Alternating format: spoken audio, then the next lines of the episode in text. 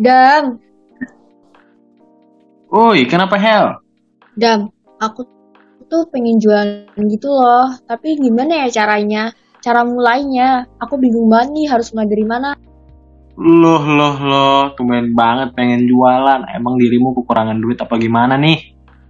Enggak sih, aman-aman aja. Cuma aku tuh pengen aja gitu belajar berwirausaha. Mana tahu kalau berhasil jadi kayak Raya kan?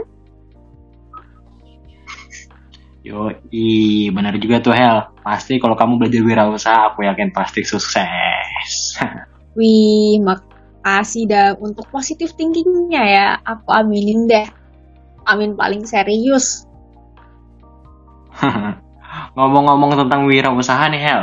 Kali ini topik bahasan di Pentime kita bakal bahas tentang merintis dan membangun UMKM. Yeay! Wah, wah, topiknya keren banget nih merintis UMKM ya. Wow, narasumbernya siapa tuh? Nah, narasumber kita kali ini yang pasti udah expert banget nih di bidang UMKM gitu, Hel. Waduh, spill aja langsung sih, sih Dam, gas.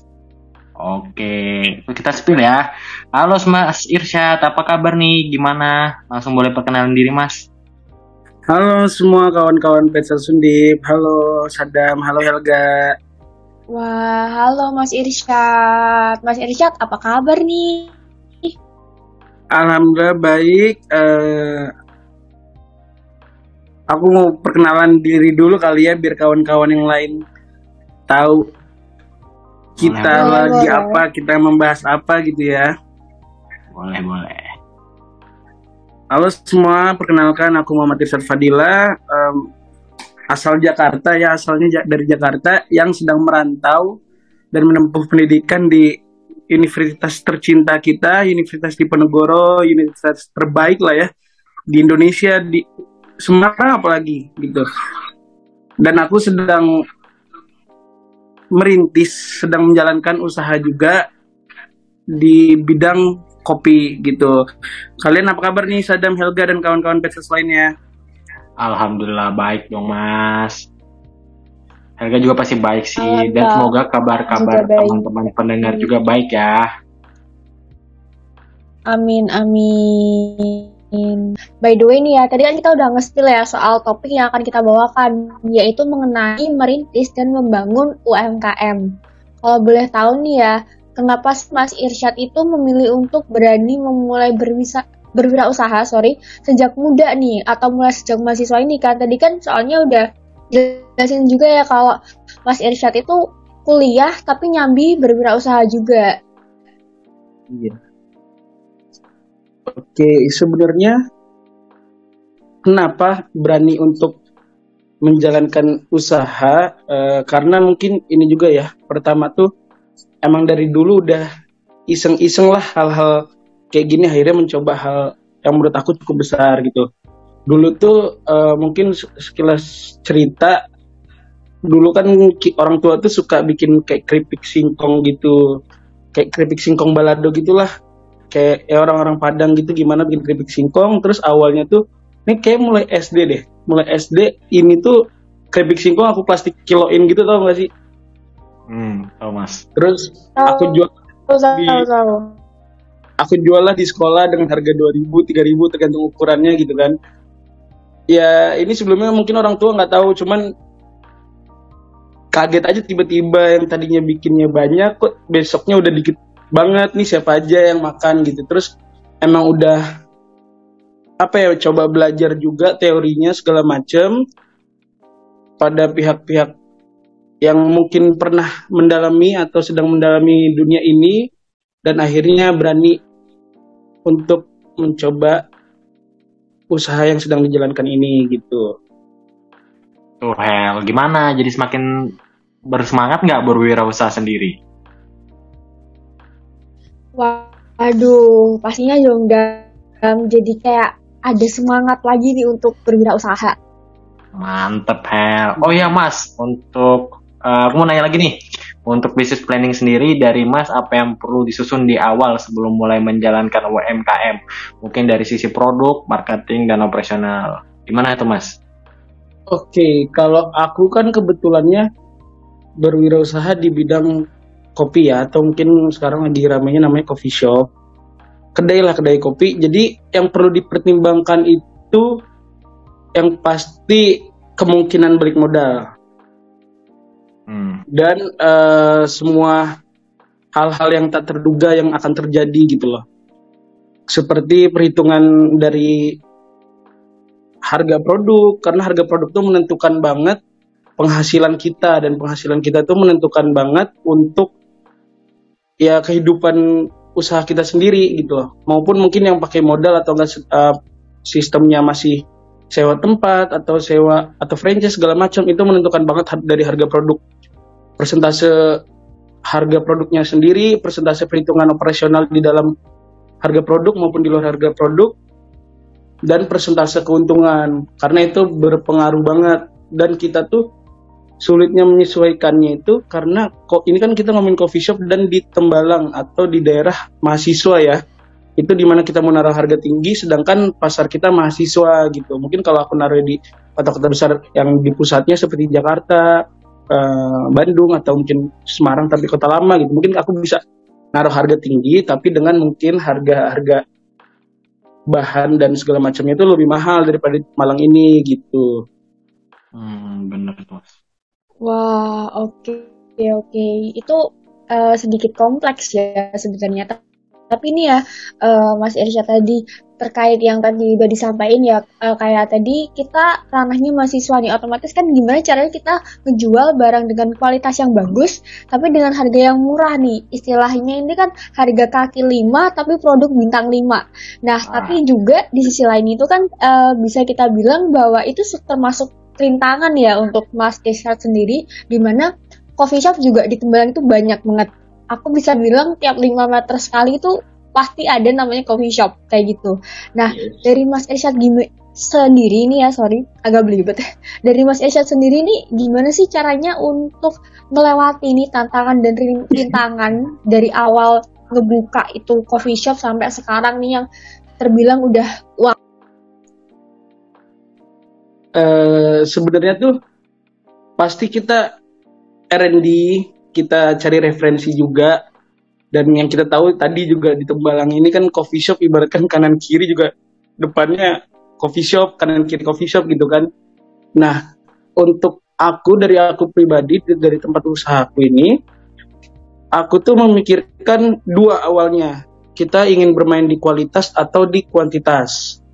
Maksudnya apa? Kalau di kualitas itu mungkin kita kualitasnya sangat bagus, tapi mau nggak mau kita harus jual dengan harga tinggi dan itu tidak masuk untuk mahasiswa target pasar utama kita gitu loh. Dan aku mikir kalau kita main kuantitas, oke kita bisa main kuantitas, tapi kenapa? Kalau kuantitas itu ya berarti kualitasnya lebih rendah daripada kalau kita main kualitas gitu kan. Sedangkan eh, dunia perkopian di Semarang menurut aku dari sudut pandang aku tuh tidak setinggi di Jogja mungkin yang kita tahu atau di daerah-daerah lain karena kan di sana emang mereka jual kualitas banget gitu kan.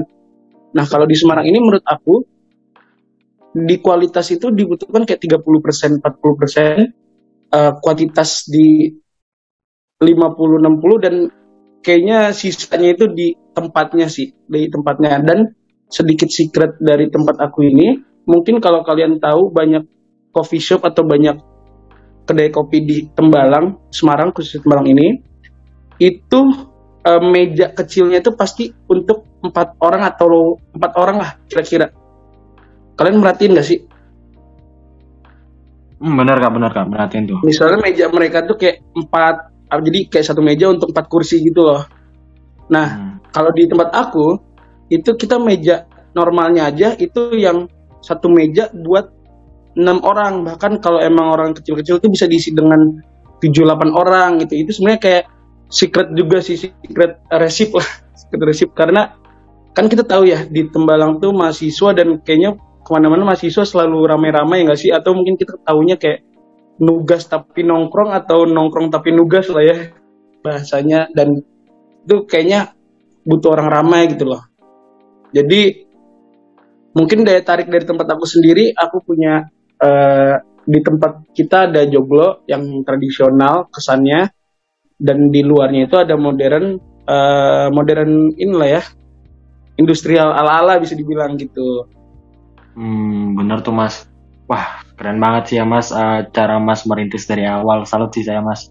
Mau tanya lagi nih mas, uh, buat strategi ya, apa yang perlu dilakukan agar UMKM yang kita bangun bisa berkembang bahkan berkelanjutan. Seperti tagline yang sering kita dengar nih, UMKM naik kelas. Gimana tuh mas? Kalau menurut aku ya uh, mengenai UMKM naik kelas atau enggak kesempatan-kesempatan UMKM untuk lebih berkembang lagi itu tuh dilihat dari gimana si manajemen usaha ini punya ide-ide gitu loh karena banyak pasar-pasar yang mungkin ini cocok di Tembalang tapi belum ada gitu loh seperti uh, tergantung di celahnya sih menurut aku kayak kemarin ada teman juga baru buka bebek goreng menurut aku kan kayak ah, bebek siapa gitu kan ternyata itu ada pasarnya di sini dan tuh rame juga gitu loh jadi menurut aku itu lebih ke ide si inovasi dan mengikuti zamannya mungkin ya, mengikuti zamannya karena aku kan tadi kayak bingung juga. Ini aku mau ala-ala tradisional atau uh, modern gitu kan anak-anak muda.